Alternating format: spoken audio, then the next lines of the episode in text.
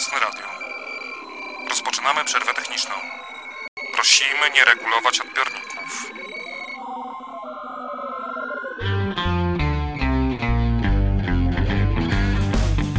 Uszanowanko mili moi, witam was w piątkowy wieczór. Dzisiaj jest 24 sierpnia 2018 roku. Jesteśmy w przerwie technicznej i dzisiaj sobie troszkę paru rzeczy... No właśnie, bo dzisiaj za dużo rzeczy nie będziemy się dowiadywać. Dzisiaj... Dzisiaj temat mam... Hmm, dzisiaj temat mam ciekawy, bo temat mam e, o zabawkach. Ale co to za zabawki będą, e, to o tym za chwilkę, ponieważ chciałbym się najpierw podzielić dwiema historiami. Jedna, która jest taką typowo przerwotechniczną e, ciekawostką, którymi zawsze planowałem zaczynać audycję i nie zawsze się to jednak udaje póki co, ale taka ciekawostka. Słuchajcie, uwielbiam Twittera.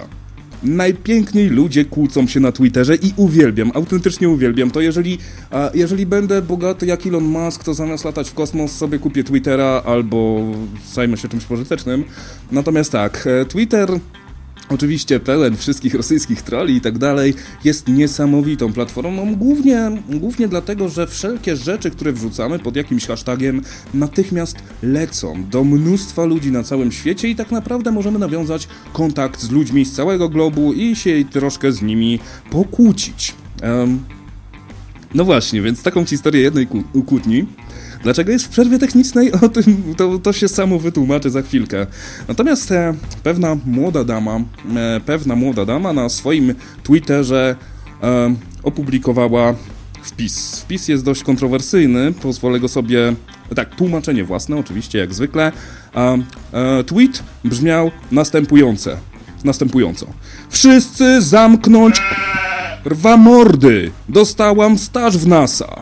No i oczywiście od razu się różni ludzie zebrali, ale w tym, e, żeby było ciekawiej, odezwała się, odezwała się jedna osoba, miły pan, dość starszy, siwy, uśmiechnięty, e, który się nazywa Homer, e, Homer Hickam, który napisał tylko jedno. Słownictwo.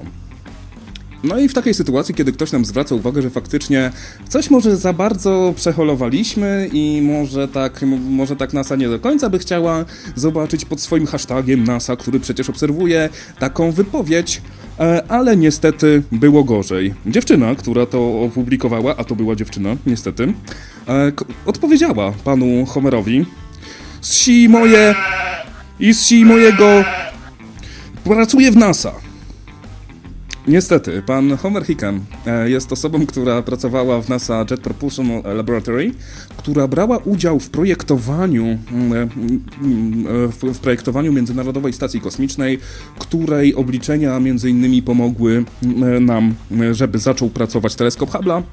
No i niewiele myśląc, powiedział, że a ja jestem e, w Krajowej, e, Krajowej Radzie Kosmicznej, National Space Council, nie wiem jak to do końca przetłumaczyć, która nadzoruje NASA. I o ile jest to chyba najdziwniejszy taki przykład, w jaki sposób można stracić pracę, której się jeszcze nie dostało. Pan Homer Hickam e, na swoim blogu później zaznaczył, że nie miał wcale złych intencji i od niego nie zależy, żeby ktoś dostał pracę, czy żeby ktoś stracił pracę. E, więc e, tutaj e, całkowicie odżegnał się i stwierdził, że e, nic tutaj złego, e, złego nie zrobił. Jedynie widząc, że zostało coś opublikowane pod hashtagiem NASA, e, chciał ostrzec ową osobę tak, żeby e, ta osoba po prostu nie robiła, nie miała jakiejś nieprzyjemności. Zawsze tego tweeta można usunąć i jakoś z tej całej sytuacji wyjść z twarzą. Niestety pojawiło się e, bardzo wiele, e, bardzo wiele negatywnych komentarzy w jego stronę, że się czepia i tak dalej, że wykorzystuje swoje stanowisko. Nic takiego się nie stało. Co prawda nie wiemy, czy dana osoba faktycznie straciła swoją, e, e, swój angaż na e, staż w NASA. Natomiast jak sam podkreślił, no chciał, chciał komuś tutaj oszczędzić problemów, sam też twierdzi, sam, sam, jak, sam jak stwierdził, no jest weteranem wojny w Wietnamie, więc dla niego słowo nie jest w jakiś sposób e, dziwne, negatywne i, się, e, i niespotykane, natomiast faktycznie w pewnych kontekstach nie warto go używać. Także moi drodzy, lekcja z tego płynie całkiem prosta. Jeżeli chcecie e, pracować w NASA, to uważajcie na swoje tweety i na Facebooki, czy jeżeli chcecie pracować gdziekolwiek, tak naprawdę, tak szczerze, e, bo to jest naprawdę sprawdzane na dużo mniejszym poziomie, ale już powoli przechodząc do tematu, powoli w ogóle wracam do zdrowia e, i będzie mnie, e, i mo, przy odrobinie szczęścia będę dzisiaj troszkę mniej, troszkę mniej harczał, troszkę mniej, troszkę mniej miał katar, ale już czuję, że już mi się kurczę nos blokuje.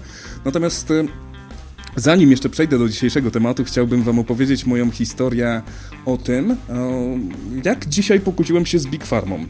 Bo pokłóciłem się dzisiaj z Big Farmą. I to już po tym, jak miałem. A właśnie, jeszcze wracając, wracając jeszcze zamykając, zamykając całą historię um, e, związaną, związaną z NASA, to też jest pewien powód, dla którego ja, Krawiec czy wszyscy inni tutaj w radiu posługujemy się pseudonimami, a nie podpisujemy się tym z imienia i nazwiska, bo e, tak naprawdę nie, że wstydzimy się tego, co robimy, nie, że wstydzimy się tego, e, co mówimy, czy potem byśmy się e, tego wyparli, natomiast są sytuacje, w których to mogłoby zostać, nie wiem, jakoś wyszukane i wyciągnięte e, przeciwko nam, a tak przynajmniej możemy do Was mówić prosto z serca i z wyciągniętym kijem z... Ale wracając do naszej kochanej dzisiaj Big Farmy, bo pokłóciłem się z Big Farmą e, dzisiaj, kiedy to po wyjściu od lekarza, po odebraniu e, recepty, na tej recepcie znajdował się m.in. probiotyk, lakcit, stary dobry lakcit w szklanych ampułkach, który na pewno znacie i z którym się e, niejednokrotnie spotkaliście. No i kiedy realizowałem tę receptę, oczywiście jest to lek bez recepty, farmaceuta, e, farmaceuta zaproponował, żebym jednak zrezygnował z tego lakcidu, bo jak to określił, bo trzeba go trzymać w lodówce, jakby to było coś złego. Wszystko, co jest żywe i chcemy zachować jego świeżość, powinniśmy trzymać w lodówce, bo są inne jakieś tam lepsze probiotyki, i że w tym lakcidzie jest tylko 2 miliardy, 2 miliardy tam jednostek kolonijnych, jako, jakoś to się CFU nazywa czy coś takiego, a on ma jakieś dużo lepsze, no i tam podaje mi jedną właśnie, e, podaje mi jakieś dwa, dwa przykładowe produkty z pewnej firmy produku, produkującej właśnie tylko i wyłącznie suplementy diety. E, i tak patrzę, no ale to jest suplement diety, nie? No to, no tak, no, no to ja nie wiem, czy tutaj są te bakterie, czy nie, bo tutaj może być tak naprawdę marchew albo coś i no nie, ale tamten lakcit ma tylko 2 miliardy tych jednostek, a tutaj, a tutaj ile jest? Bierze opakowanie i mówi, no 10 do 9. Czyli miliard, nie? Kurde, po prostu, tak mówię, dobra, pan mi sprzeda ten lakcit, ma, ma pan go czy nie? Bo jak nie, to idę do innej apteki i kończymy tę e, komedię. Więc, e, no właśnie. Więc moi drodzy, e, tak to mniej więcej wygląda. Przede wszystkim, no, nie potrzebujemy suplementów diety, jakichkolwiek, jeżeli nie umieramy i tak dalej. A nawet jeżeli umieramy, to wtedy bardziej potrzebujemy leków niż suplementów diety. Rynek suplementów diety się naprawdę rozwinął w przerażający sposób i nawet jeżeli kupim, kupujemy sobie, nie wiem, węgiel na biegunkę, to też warto sprawdzić, czy to jest lek wydawany bez recepty, bo zawsze na opakowaniu będzie napisane, że to będzie suplement diety, czy to będzie lek wydawany bez recepty, czy to będzie lek wydawany na receptę. I jeżeli coś jest lekiem, to znaczy, że macie gwarantowane i macie badane i weryfikowane zweryfikowane, że ta zawartość zgadza się z tym, co jest na opakowaniu. Bo smutna prawda jest taka, że w przypadku suplementów diety, nawet jeżeli ktoś by wam nas do, takiego, e, do takich tabletek to nie można nawet za bardzo się tutaj jakoś boksować, stwierdzić, że, e, stwierdzić, że ten produkt nie do końca się nadaje, e, że zostaliście oszukani, a w przypadku leków jest to robione z automatu. Od czasu do czasu inspektorzy zwyczajnie biorą te wszystkie, te wszystkie leki, które występują w naszych, w naszych aptekach, biorą i badają, czy jest wystarczająco, czy jest tyle składnika, ile zadeklarowano na opakowaniu. Nie tak dawno temu była afera, kiedy to wycofali jakiś, e, jakiś środek w saszetkach na e, przeziębienie i od razu wielkie larum, że coś strasznego, a tu się okazało, że on zwyczajnie miał mniej paracetamolu żeby e, niż e, zostało podane w, niż zostało podane w, e, na opakowaniu, wobec czego była to już wystarczająca podstawa do tego, żeby coś takiego wycofać, żeby po prostu ludzie nie płacili za coś, co tak naprawdę norm jakości nie spełnia. Dlatego, moi drodzy, patrzcie, co kupujecie w aptece, jeżeli to jest suplement diety i jeżeli jest odpowiednik e, tego, który jest e, lekiem, to zastanówcie się dwa razy, zanim zainwestujecie swoje pieniądze w coś, co tak naprawdę może kompletnie nie działać.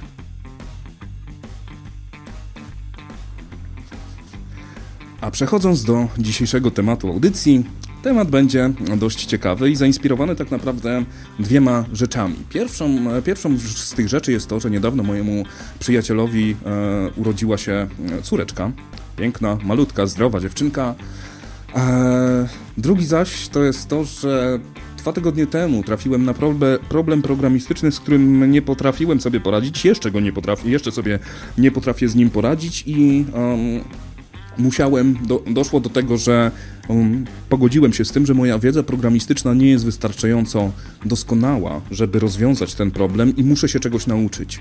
I to nie jest już algorytmika, ponieważ algorytmika tutaj za bardzo sobie e, e, za dużo nie poprawi.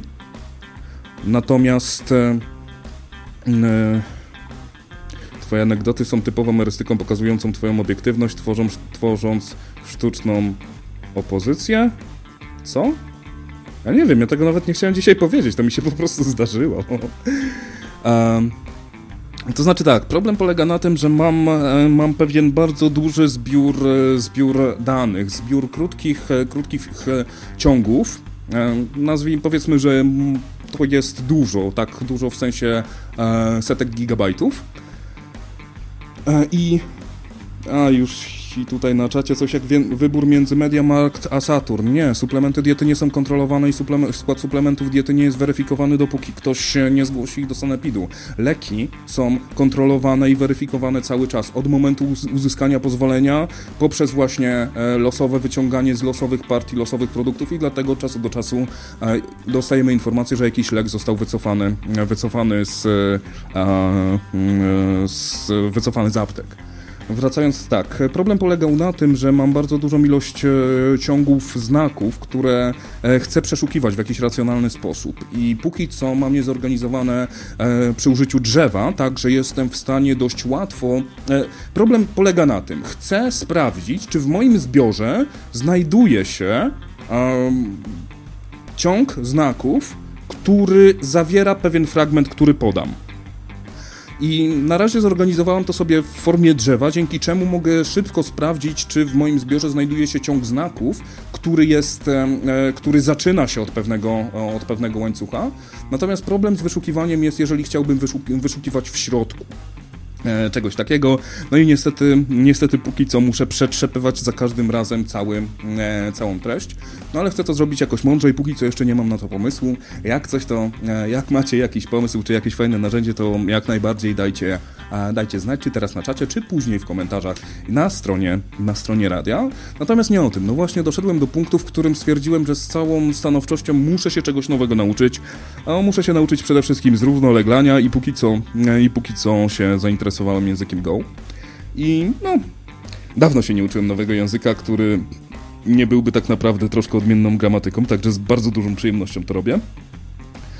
Um, e, właśnie e, grep, tak, grep ma dość zaawansowane algorytmy, ale istnieje, e, istnieje jeszcze SIFT, już piszę na czacie, e, którym sobie grepa e, zastąpiłem, który jest właśnie takim grepem napisanym w Go dzięki czemu e, on utylizuje od razu wszystkie możliwe rdzenie, wszystkie możliwe wątki, które e, może sobie zrównoleglić i co prawda nie daje rozwiązań, e, rozwiązań tak po kolei, jak to robi grep przy przeszukiwaniu jakichś tam kilkuset tysięcy kilku, czy kilku milionów flików, lecz robi to wyraźnie, wyraźnie szybciej.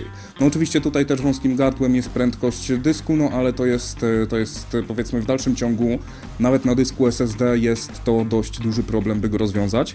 No ale tak weszliśmy, chyba że, no właśnie, jeszcze w ogóle e, audycja oczywiście interaktyw interaktywna, możecie dzwonić, Skype nocne, e, radio, ale nie o moim problemie chciałem e, rozmawiać, chociaż jeżeli macie jakiś pomysł, to zdecydowanie zachęcam do, do podrzucenia jakichś rozwiązań, czy półrozwiązań, czy chociażby pomysłów, o które mógłbym oprzeć e, właśnie, właśnie rozwiązanie, bo jest to co najmniej ciekawe.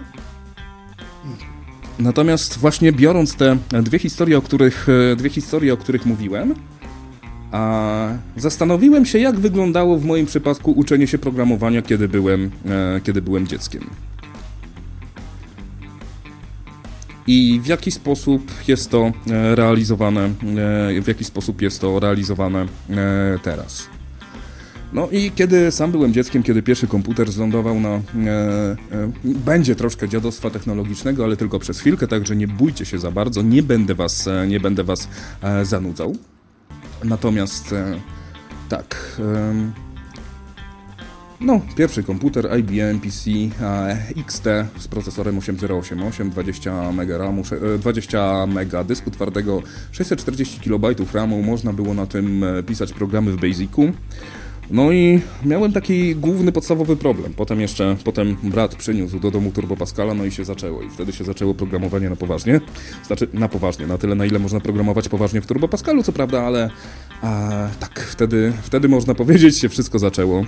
Um, i zawsze miałem taką, taką, taki problem, taką dziwną pretensję, która może nie jest już dzisiaj aż tak bardzo powszechna, bo nie wiem, bo jeżeli widziałem coś e, w grze komputerowej, to wychodziłem z założenia, że skoro zrobili to w grze, to teoretycznie ja też powinienem być w stanie to a, napisać. I kiedy pisałem swoje pierwsze durne programy w e, Turbo Pascalu, e, to oczywiście jakieś tam Hell Wordy, kalkulatory i inne pierdoły, to, to, to to, czym się zainteresowałem tak zupełnie bez sensu, nie? No, to dlaczego ta, ten kolor jest taki nudny?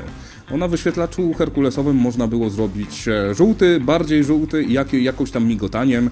E, jedna gra, którą miałem, potrafiła też o, mieć e, kolor niebieski. Później, później miałem jakiegoś 386 już e, z, podstawo, z podstawowymi kolorami na monitorze, więc to troszkę inaczej wyglądało. No ale dość nieszczęśnie, nieszczęśliwie dla mnie wówczas zainteresowałem się, kurde, no jeżeli gry komputerowe potrafią zasymulować kolory, czy pokazać kolory, to dlaczego ja nie potrafię? No i się zainteresowałem wówczas tymi sekwencjami, które, e, którymi musimy otoczyć którymi musimy otoczyć nasz łańcuch znaków, żeby on na przykład właśnie się wyświetlał w ten sposób, czy żeby mrugał, bo też jest, e, też coś takiego jest e, możliwe, czy żeby, żeby nadać mu inne tło, czy żeby zrobić cały, cały ekran jako konkretne tło, żeby narysować sobie okienko. Nie wiedziałem, że jest coś takiego jak gotowe biblioteki i ludzie to już wymyślili. No, generalnie wynajdowałem koło od nowa, ale dzięki temu, ale dzięki temu e, okazało się, że zwyczajnie poznałem to, w jaki sposób działa system operacyjny na tak troszkę bardziej niższym poziomie niż durne wyświetlenie 2 plus 2 i zanim zrobiłem jakąś, nie wiem, i to, i to, był, był, to było takim motorem dla mnie, tak, czy właśnie, żeby narysować taką tabelkę, jaką widzę w Norton Commanderze, no to w ten sposób zacząłem się uczyć właśnie pętli i tego całego strukturalnego e, programowania, gdzie jedno, co chciałem zrobić, to zwyczajnie zrealizować to, co widziałem na programach, z których, e, z których korzystałem. No i właśnie zacząłem przyglądać się e, dzisiaj różnym takim, różnym takim zabawkom, bo później, kiedy e, weszły pewne programy do szkół, kiedy informatyka pojawiła się w szkołach, no to to już skręciło w jakąś dziwną stronę, bo na informatyce się e, ludzie uczyli obsługi Painta e, i różnych dziwnych, dziwnych podejrzanych rzeczy, co mnie jednak nie do końca bawiło, no bo to jest kolejne jakieś tam narzędzie i no nie wiem, no machanie myszką aż tak bardzo mnie nie jarało jak rozłożenie tego komputera, wyciągnięcie ramu i zobaczenie dlaczego nie startuje bez ramu. A później zauważenie, że jak wyciągniemy inne części, to zaczyna to bipać w różnych innych dźwiękach, a potem złożyć to do kupy i się przekonać, że to już nie działa i odwołać się do dokumentacji i znaleźć bipcode i samodzielnie zdiagnozować i naprawić to, co popsułem. Polecam ten styl życia. Um, no właśnie, lecz y, pojawiło się, pojawił się taki dziwny potworek, który nazywał się Logo Komeniusz, który teoretycznie właśnie miał być takim edukacyjnym językiem programowania. Yy, gdzie sterowało się tak zwanym żółwiem, który nigdy, nigdy nie rozumiałem, czemu to się nazywa żółw, natomiast żółw mógł za sobą zostawiać kreski, e, mógł sobie po prostu rysować, zostawiać za sobą piksele. I teraz już z tej perspektywy, teraz już z tej perspektywy rozumiem, że to ma na celu um, wyjaśnienie małemu dziecku, w jaki sposób można zaprogramować coś, nie wiem, jak narysowanie zegara, to było, to było, to było jakieś takie straszne, straszne skaranie boskie, że robimy jakiś program, który robi, jest niepożyteczny, który jest strasznie złożony jak na tamte czasy, jest zwyczajnie głupi i trzeba się z tym, i trzeba się z tym męczyć, żeby ten żółw pobiegł tutaj, poczekał sekundę, odwrócił się, wytarł co, za, co narysował, odwrócił się o kolejny jeden stopień i pobiegł znowu i pobiegł znowu. Rozumiem, rozumiem czemu to e, mogło służyć, natomiast to już mnie nie, kompletnie nie jarało w momencie, kiedy mieliśmy, mm, kiedy, kiedy, kiedy miałem jakieś 10-12 lat, bo jak pisać wirusy? Andrzej Dudek. Kompletnie nie kojarzę. um, Także e, właśnie ten logo Comenius był jakimś takim, nie wiem, jakimś tak, jakąś taką próbą zrobienia czegoś pożytecznego, ale też nigdy e, spotkałem się z wieloma ludźmi, którzy o czymś takim słyszeli, natomiast większość z nich zgodnie stwierdziła, że e, to nie jest coś, co, czym jesteś w stanie się nauczyć, że to jest jakiś dziwny język. No i przede wszystkim w momencie, kiedy już położyłem swoje łapy na to e, logo, okazało się, że to w dalszym ciągu jest jakieś takie drewniane, suche środowisko programowania. On, ono nie jest w żaden sposób atrakcyjne.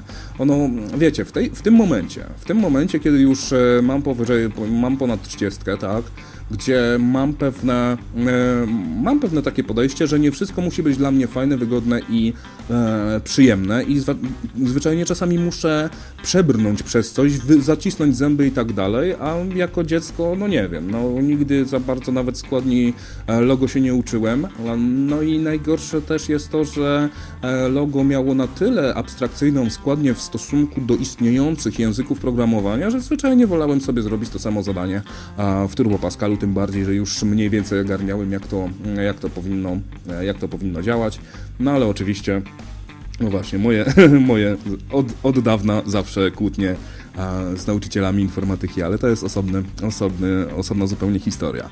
No i właśnie pytanie, pytanie, które sobie zadałem w ramach przygotowań do dzisiejszej audycji brzmi, w jaki sposób e, dzisiaj to robimy i który, e, jaki wiek jest najlepszy, żeby e, zacząć uczyć dziecko programować. Bo tak też właśnie troszeczkę w kontekście pierwszego przytoczonego e, wydarzenia w takich sytuacjach też człowiek myśli sam o sobie e, i się zastanawia, co mógłby ewentualnie, jeżeli jakiś cud nastąpi, zostawić po sobie i zostawić swoim potomkom. No to co umiem robić, to gadać do mikrofonu i programować. Na niczym innym się nie znam, więc zanim dziecko zacznie mówić, prawdopodobnie już będzie, będzie biegle w Ansice pisało, no ale zobaczymy.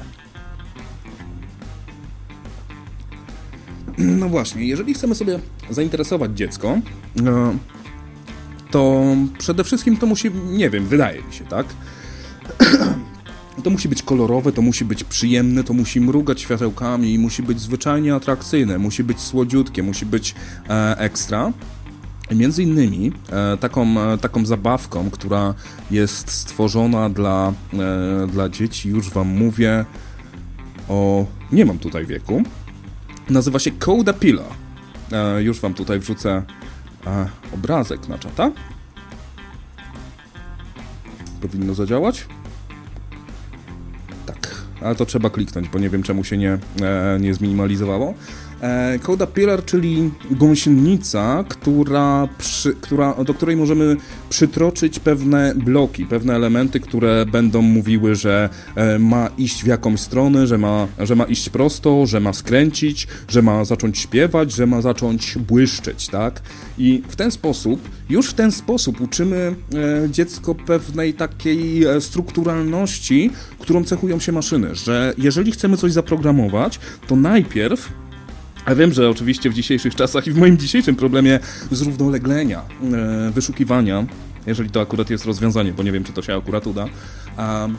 Natomiast takim pierwszym, e, pierwszym problemem jest to, żeby zaproponować pewną ustaloną kolejność, pewien algorytm i nawet zastanowić się, jak, e, żeby skonstruować, żeby skonstruować tak tę gąsienicę, żeby na przykład przeszła przez zrobiony z jakichś pudełek po butach labirynt żeby tak właśnie skonstruować jej, e, jej poszczególne e, kroki.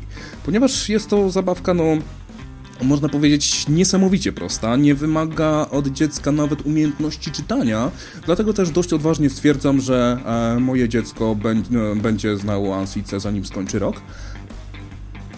Oby. lecz, lecz tak, lecz zdecydowanie jest to coś, co mm, pozwala pokazać dzieciakowi, że mm, to w jakiś sposób może e, rozwinąć swoje abstrakcyjne myślenie i zrozumieć, że nie zawsze, nie zawsze się robi wszystko naraz, tylko że pewne właśnie maszyny wymagają pewnej struktury, pewnej konsekwencji, pewnego, nie bójmy się tego słowa, algorytmu, który ma właśnie naszą, e, właśnie naszą gąsienicę e, przeprowadzić. Z innych, e, z innych ciekawych, e, z innych ciekawych rzeczy. E, bardzo podobny jest robot Koji. Robot Koji, który jest programowany przy użyciu telefonu komórkowego, który łączy się, łączy się z tym robotem i wysyłamy do niego ikonki emoji który ma oczywiście mały wyświetlacz, natomiast e, przy użyciu, e, przy użyciu emoji, które reprezentują strzałki w poszczególne e, strony, możemy zmusić tego robota, żeby szedł do przodu, w tył, żeby się okręcił. Przy użyciu ikonki nutki zagra nam pewien dźwięk, przy użyciu ikonki uśmiechu zacznie się uśmiechać. Jest to, jest to dość, nie wiem, nie wiem jak realizują pozostałe rzeczy, bo nigdy takiego robota nie widziałem, ale stworzenie właśnie takiego programu, który no, no już obsługę telefonu to przede wszystkim no, niemowlęciu telefonu bym nie dał, e, natomiast jeżeli już ono byłoby, jeżeli już dziecko byłoby w stanie sobie jakoś tam, nie wiem, napisać SMS-a czy coś takiego, o czym, tak, SMS-a, w XXI wieku SMS-a, jasne. Um, to wtedy już się uczy pewnej algorytmiki i po raz kolejny nie mamy do czynienia z takim sztywnym, brutalnym, można powiedzieć, językiem programowania, który opiera się na pewnym języku gramatycznym, takim jak e, języku ludzkim, naturalnym, takim jak angielski czy, czy polski, jak było w przypadku e, logo, bo też było wydanie polskie, żeby było śmieszniej i tam się dopiero jaja dopiero, e, i tam dopiero się jaja, jaja działy. E, Natomiast właśnie zaprogramować pewną e, konsekwencję zdarzeń, pewną, e, pewien algorytm, po raz kolejny pewien algorytm, który właśnie przeprowadzałby, e, przeprowadzałby robota przez labirynt chociażby, no to jest coś, co znowu, to jest coś, co daje z jednej strony fan, bo to jest robot. On wygląda jak robot przede wszystkim uśmiecha się do nas, gra melodyjki, świeci diodkami i ma fajne kółeczka, dzięki, którymi, dzięki którym potrafi się e, ruszać. I dziecko tak naprawdę, nie do końca rozumiejąc nawet, co sobie w tym momencie wtłacza do bani, robi sobie, e, robi sobie całkiem fajną przysługę i uczy się podstaw algorytmiki. E, a tutaj jeszcze, jeszcze Kuba podrzucił Scratch, o którym też, o którym też kamień, nie, kamień do kuro, o tym pisałeś czy nie o tym? Eee, a o tym nie słyszałem. O tym nie słyszałem. To Kuba, jak chcesz, to zadzwoń i opowiedz coś więcej o tym, bo no i też zdecydowanie, zdecydowanie zapraszam do dzwonienia, jak chcecie się podzielić jakimiś swoimi e, odkryciami, zarówno pod kątem zabawek edukacyjnych, jak i tego, jak w jaki sposób wy e, poznawaliście e, nasz świat ale wygląda, no właśnie, również taki budowany, e, budowany e, świat z bloczków. No ale to do tego przejdę sobie jeszcze kawałek, kawałek później. Koji, robot Koji jest bardzo, bardzo ciekawym rozwiązaniem, głównie ze względu na swoją stosunkowo niską cenę, bo kosztuje 35 dolarów, gdzie w porównaniu do innych tego typu, tego typu zabawek edukacyjnych jest to są to naprawdę grosze.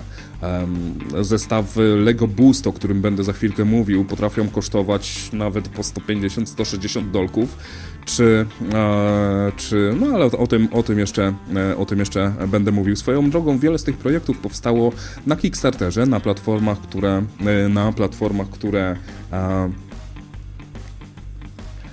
właśnie mają zebrać, zebrać fundusze na zrealizowanie jakiegoś projektu i nie wszystkie co prawda się, nie wszystkie co prawda się udały, no ale jeszcze, jeszcze bardziej zostając przy dzieciach, które nie do końca jeszcze nawet muszą umieć, no mówić to by coś tam mogły, ale, ale również nie muszą przykładowo umieć, umieć czytać. Okej, okay, Kuba jest w korku, walczy w korku, e, także e, szerokości Kuba i przyczepności i po, spokojnego powrotu do domu. Dzięki za, e, dzięki za podrzucenie, e, do, za podrzucenie informacji. Kolejny projekt, o którym chciałem Wam powiedzieć, to jest Code and Go, e, robotyczna mysz. Robotyczna mysz, która, e, no, znowu wrócę, znowu wrócę do, o, już tutaj się pojawiają kolejne kolejne linki. No, ale jak coś, jak coś macie, to śmiało, e, śmiało wrzucajcie. Mm, Kano Coding, coś o tym słyszałem. Dobra, ale to za chwilkę, e, za chwilkę do tego przejdę.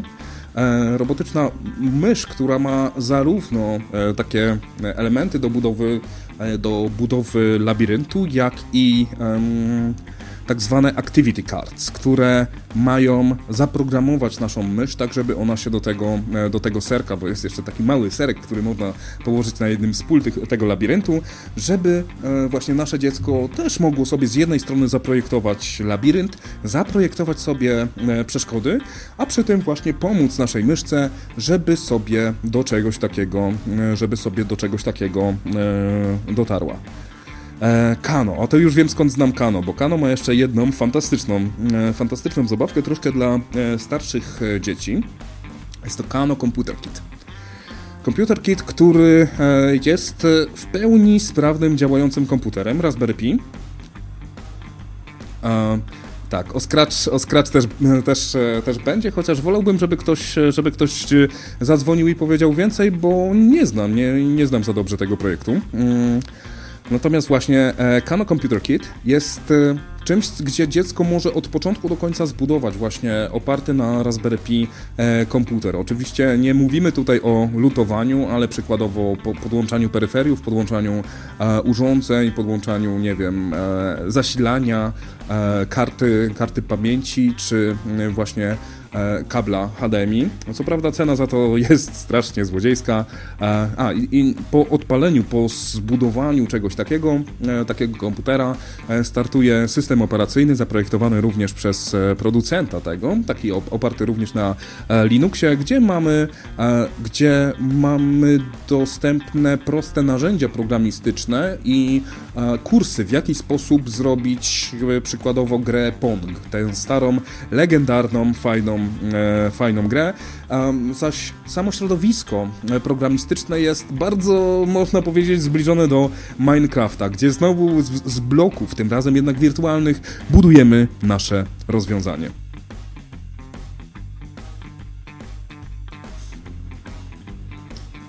W międzyczasie jeszcze zajrzę, um, zajrzę na czata. Apple ma też fajne narzędzie dla dzieci do nauki języka Swift. Wow, to naprawdę Aż, okej, okay, za, za, zaczynam się troszkę niepokoić, że za słabo, za słabo się przygotowałem, bo faktycznie ten, e, ten przegląd zrobiłem dzisiaj. Nie będę, nie będę oszukiwał, bo temat mnie, że tak powiem, świeżo ujął. A, I wygląda na to, także naprawdę zapraszam do dzwonienia i podzielcie się. E, e, podzielcie się swoimi rozwią rozwiązaniami. Minecraft też jest redstone e, do oprogramowania, gdzie mamy pewne wajchy, gdzie możemy robić, gdzie możemy robić swego rodzaju obwody e, i no, od włączenia światła do wysadzenia kole koledze domku w powietrze. E, więc można się tutaj naprawdę fajnie, fajnie rozkręcić. Także e, no to jest coś, co cały czas uczy nas e, dogadania się z maszyną. I może nie takiego myślenia maszynowego, tylko właśnie kontroli nad maszyną e, i przekazania swojej intencji, tak, żeby ten głupi komputer potem zrobił to, czego od niego oczekujemy, a jednocześnie daje dzieciom świadomość tego, w jaki sposób komputer działa, że to musi być pewna, że to jest pewna procedura, że to są pewne wykonywane po kolei, po kolei czynności, no i dzięki temu, e, dzięki temu nasze kolejne pokolenie będzie sobie z nimi radziło dużo lepiej i być może wymyśli coś, o czym sobie jeszcze w tym momencie nie zda, z, tego, z czego jeszcze sobie w tym momencie nie zdajemy sprawy, bo też nie oszukujmy się, że, ży, że żyjemy w takich czasach, gdzie współcześni programiści no, nie mieli aż tak dużej, aż tak dużej gamy zabawek interaktywnych do, e, do wyboru. E, kiedy sami byli dziećmi. Sam się właśnie zastanawiam, czy oprócz komputera miałem coś, co mógłbym choć troszkę tutaj mm, przyrównać do całej historii. Nie, to znaczy miałem, ale to było, ale to było podpieprzone z pracowni e, fizycznej, bo, moja, e, bo moi rodzice, nauczyciele, no, mieliśmy dostęp do szkoły, no i tam były takie z pracowni fizycznej, gdzie można było z takich właśnie jakby klocków budować układy, e, podstawowe jakieś układy, jak łączyć kabelki, podpinać jakieś tam rezystory, a, światełka, bateryjki i tak dalej. No niezbyt to na mnie wrażenie, mm, niezbyt to dla, na mnie wrażenie robiło ale głównie dlatego, że tak naprawdę chyba nie, sam nie wiedziałem, ani mój ojciec nie wiedział, co z tym można zrobić. No a jednak podłączenie bateryjki, żeby się żaróweczka zaświeciła, to jest troszkę w dalszym ciągu dla mnie za mało. Jeden z takich fajniejszych projektów, o których e, dzisiaj będę mówił, to jest e, Circuit Maze. gra, która przy użyciu przy użyciu takiej mm, jakby to powiedzieć, planszy do prototypowania, na której zamieszczamy, na której e, kładziemy poszczególne elementy, mamy zrealizować pewien projekt. Projek, projekty, e, projekty są opisane na takich karteluszkach, które tutaj na screenie, który wrzuciłem na, e, czacia, na czata możecie, mm, możecie zobaczyć. Jeszcze cały link, cały link do, zawierający kilka z tych Linki w zasadzie zawierające kilka z tych zabawek e, wrzucę do opisu audycji, także drogi słuchaczu offline, o Ciebie również zadbałem. Um, mamy 60 takich zadań i co najważniejsze, e, Tutaj mamy postawiony do zrealizowania pewien cel, żeby się, nie wiem, żeby się silniczek zaczął kręcić, żeby lampka zaczęła mrugać, e, w ten sposób mniej więcej. I najlepsze w tym wszystkim jest to, że każde z tych zadań może mieć kilka różnych e, rozwiązań, gdzie pokazujemy dzieciakowi coś bardzo ważnego, w, przynajmniej w świecie programistycznym, że nie zawsze jest jedno rozwiązanie i co więcej, no, nawet jeżeli mamy jakiś problem rozwiązany, to nie znaczy, że nie można go e, stworzyć wydajniej przy użyciu mniejszej, e, przy użyciu mniejszej ilości elementów, czy jakoś w bardziej czytelny sposób to jest e, naprawdę fajna, fajna zabawka, którą bardzo chciałbym mieć jako, e, jako dziecko. E, więc tak. Jeszcze Zachtronics też sobie tutaj muszę zobaczyć. Kamień do kura tutaj. A, okej, okay, dobra, to już wiem. No, no, no, no, właśnie, właśnie coś koło tego. Ja jeszcze tutaj sobie zostawię, zostawię, żeby wrzucić jako e, linki do, e, w linkach pod audycją. E, podobny system, podobny system wykorzystuje Sferą, ale do nas się dodzwonił byt sztucznej inteligencji. Witam Cię, Krawcze. Witam serdecznie jak mówiłeś o tym logo, to przypomniałem sobie, jak na moją jakąś taką edukację programistyczną no mizerną, wiadomo, jestem takim bardzo domorosłym pro programistą i lajkonikiem zdecydowanie w tym temacie, ale jak wpłynął e, pewien komputer, wspomniany już wielokrotnie tutaj na antenie BBC Master Compact, e, ja go dostałem po spektrumie, na którym e, coś tam próbowałem robić. Taki mój opiekun informatyczny, czyli facet przyprowadzony przez mojego ojca z giełdy komputerowej, który miał tam mnie troszeczkę wdrożyć, jak to się uruchamia, co tam trzeba wpisać, żeby tę grę uruchomić, e, bo starszy się nie znał za, za, bardzo, a chciał, żebym to potrafił. To był sprzęt, na którym tylko grałem i na to była masa gier. E, przyzwyczaiłem się do, do, do tych wszystkich platformówek, strzelanek i Basic, który był na tym Spectrumie Plus z gumową klawiaturą, on się jakiś był taki toporny, niefajny. Natomiast kiedy dostałem, e, kiedy ten Spectrum się zepsuł, e, przy okazji tutaj wspomnę, że zepsuł się właściwie przez mojego staruszka, który wy, wybudował dla tego Spectruma taką hiper obudowę jakąś. On był generalnie malutki, to był taki mini komputerek, a starszy go zamknął w jakiejś takiej wycyzelowanej obudowie z drewna, którą jeszcze na srebrno pomalował sprayem czy tam coś. To było takie wielkie. No starszy lubił po prostu majsterkować mhm. i tak se wpadł na pomysła. I, i on się przegrzał.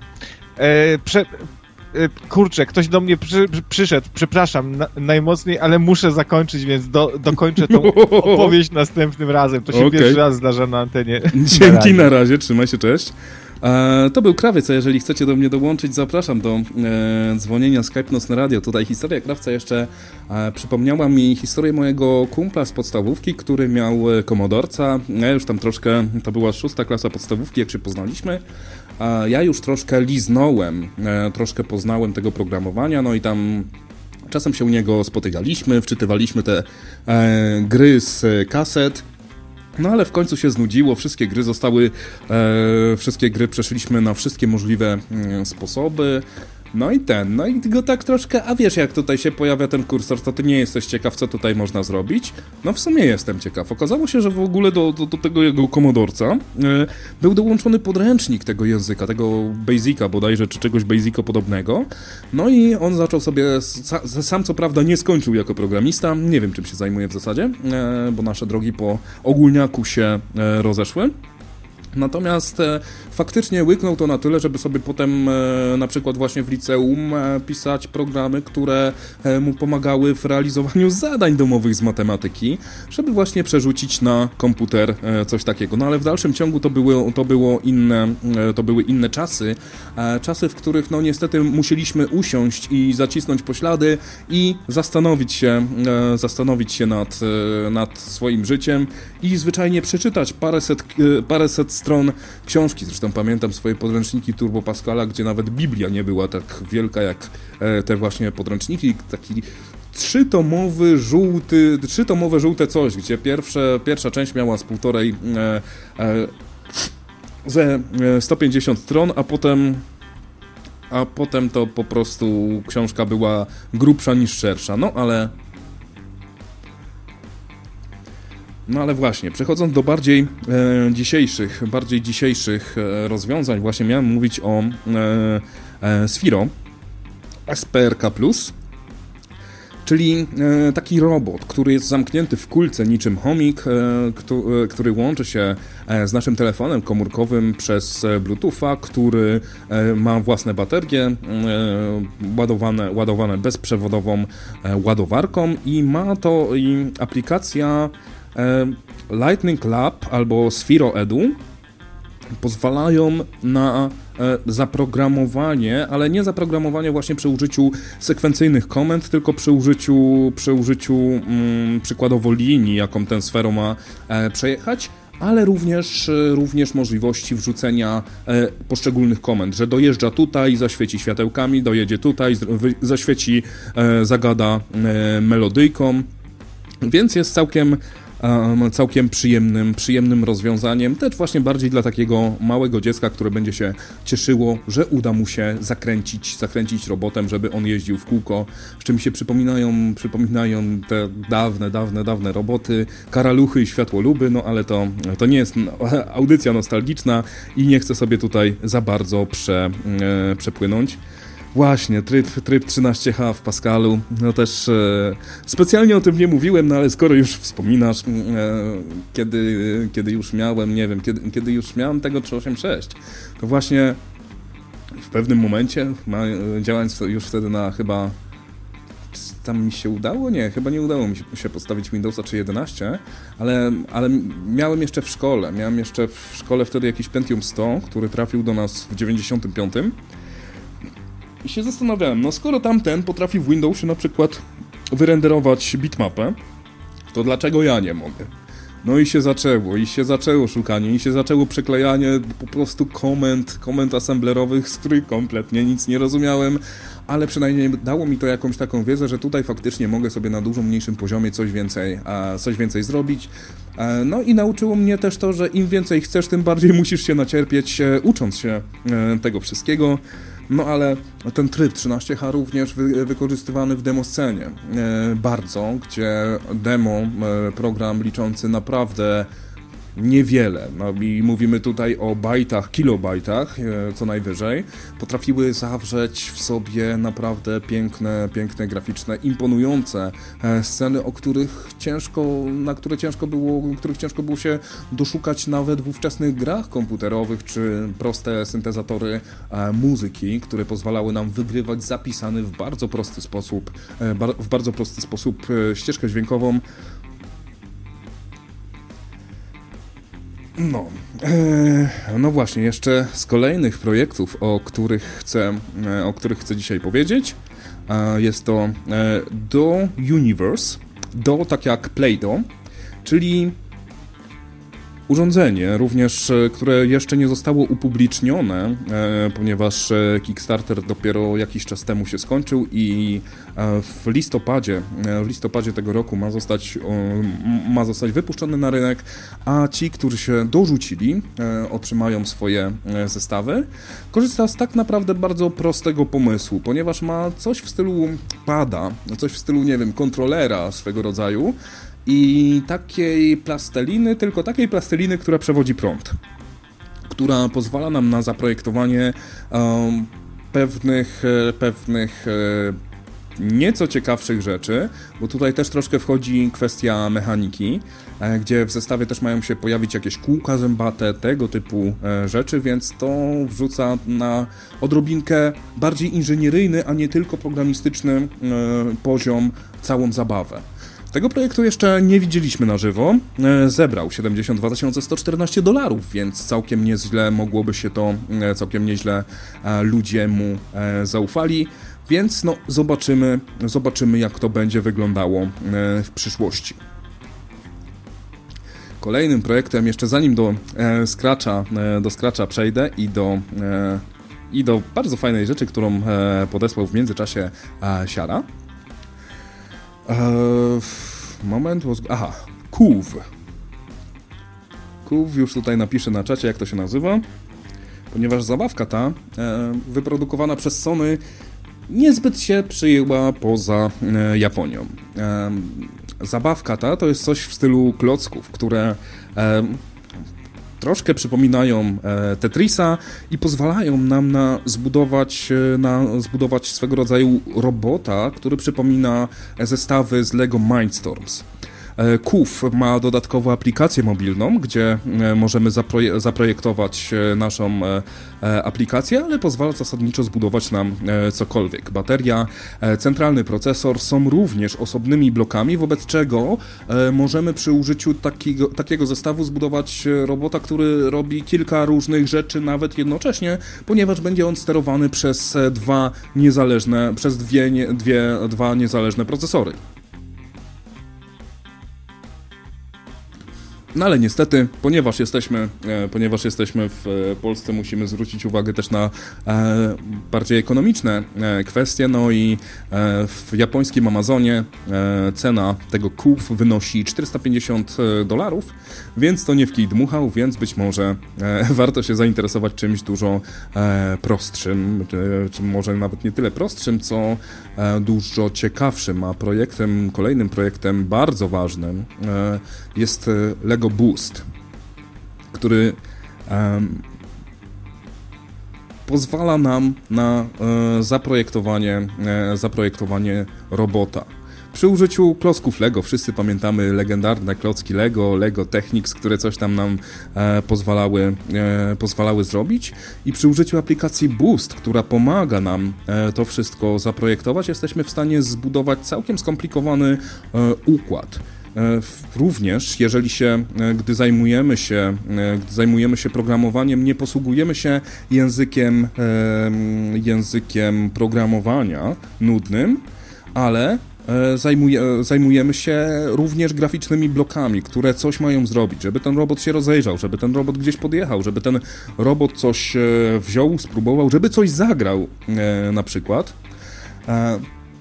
Więc i tutaj również mamy e, pewne możliwości, żeby zrównoleglić jego e, poszczególne, e, poszczególne elementy. Oprócz tego, co też jest bardzo ważne, bo dostajemy, dostajemy tak naprawdę pełne środowisko programistyczne, pewien taki gotowy zestaw, który ma na celu nauczyć nas zbudowanie, zbudowanie czegoś, czegoś fajnego. Aplikacja Boost zawiera również mm, tutoriale, pewne pewne podręczniki, które mówią, w jaki sposób skonstruować ten, tego fizycznego robota i w jaki sposób go zapro zaprogramować, tłumacząc jednocześnie krok po kroku, e, dlaczego to jest takie fajne, dlaczego on coś takiego fajnego robi i jak to się, jak to się dzieje, że on później jeździ i e, reaguje i działa w sposób bardzo, bardzo przyjemny. Cena nie jest aż tak bardzo, e, nie jest aż tak bardzo przerażająca, bo od 160 do 200 dolarów to jest coś, co spokojnie może, a przepraszam, aż do 350. Wróć, nie, do 300, sorry.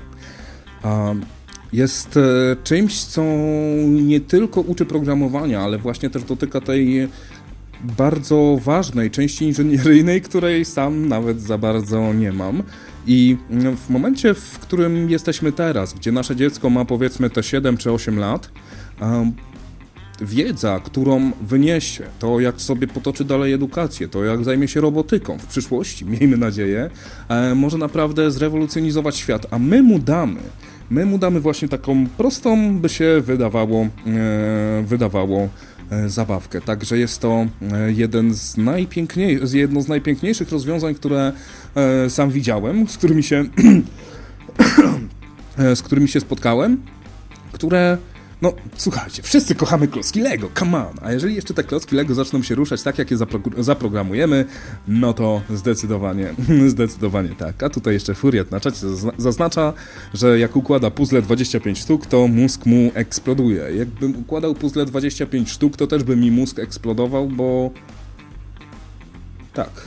To byłby bardzo dziwny, dziwny, dziwny, dziwny ten... Nie, dobra, zostawmy to. Okej. Okay. E, w Polsce jest wiele klubów Lego Mindstorm. No, to jest, to jest ciekawe, natomiast mówię, ja się z robotyką za bardzo, to znaczy mam takiego mojego guru od sztucznej inteligencji, który e, konstruuje customowe roboty, ale kompletnie się na tym nie znam i mm, bardzo, bardzo by mi zaimponowało, jeżeli e, moje dziecko gdzieś w przyszłości by stwierdziło, tato, chcesz się czegoś nauczyć? Oh yeah! Dobra, słuchajcie, zrobimy sobie, zrobimy sobie chwilkę przerwy, bo niestety moja morda jeszcze nie jest w 100% taka, jaką chciałbym mieć, ale wracam do żywych, wracam do żywych i mam porządne leki z apteki. Um, Także troszkę na, e, troszkę na moje ochłonięcie. A Was oczywiście zapraszam do e, dzwonienia Skype, Nocne Radio. E, I za chwilkę wrócimy i porozmawiamy sobie, e, porozmawiamy sobie o paru ładnych, fajnych, ciekawych rzeczach, które, e, które podesłaliście.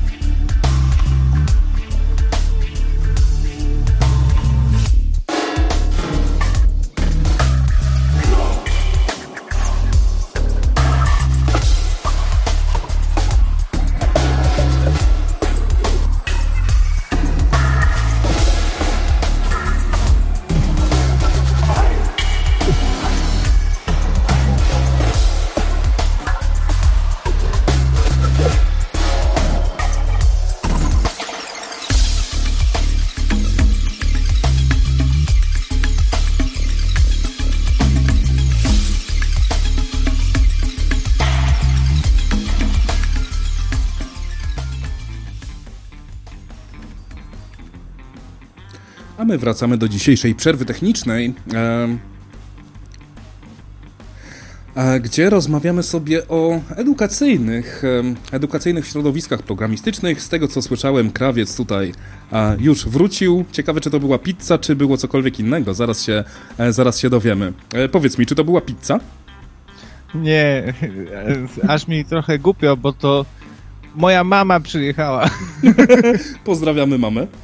Mama. Musiałem otworzyć mama. No, przepraszam was za to zniknięcie, ale właśnie, no, skończyłem na tym, jak e, wyzionął ducha Spektrum, e, bo się przegrzał po prostu w tej hiperobudowie z, z, zrobionej e, samodzielnie e, i ten komputer zupełnie nie sprzyjał jakiemuś rozwojowi, nauce programowania, nic takiego. Tam nie było dołączonego żadnego oprogramowania fajnego, nie było żadnych książek, a ten nowy Master Compact, mimo że mnie na początku zasmucił jako dzieciaka, bo tam nie było żadnych gier, ja dostałem go z dwiema e, grami. E, jedna to platformówka, druga jakaś kung fu, taka beznadziejna. I nie było co robić z tym komputerem, ale był do niego dołączony e, na dyskietce, to też taka nowość była. E, fenomenalna była rzecz. E, Welcome Disk. To był taki jakby e, Windows 8-bitowy i tam było dużo fajnych rzeczy. Był, był mój pierwszy program graficzny, który, który zobaczyłem na komputerze. Miał 8 kolorów całe. Mhm. E, potrafił rysować kółko, kreskę i kwadracik, ale zabawa była na, naprawdę przednia i eksperymentowanie z tym. Było logo wspomniane przez ciebie. Były dwie tekstowe gry, takie e, no tekstówki, tak? Jak kiedyś były, jak był na Spektruma na przykład Hobbit, e, to próbowałem się uczyć trochę angielskiego, ale nie ciągnęło do tego za bardzo, ponieważ były lepsze gry, jakieś tam właśnie platformówki, strzelanki, a tutaj y, ten brak właśnie tych gier, których nie, nie szło dostać, bo one się na giełdach pojawiły dopiero jakoś tak później, było ich mało, ciężko było dostać, były drogie, były drogie, bo to były tylko oryginały, y, nie było spiraconych.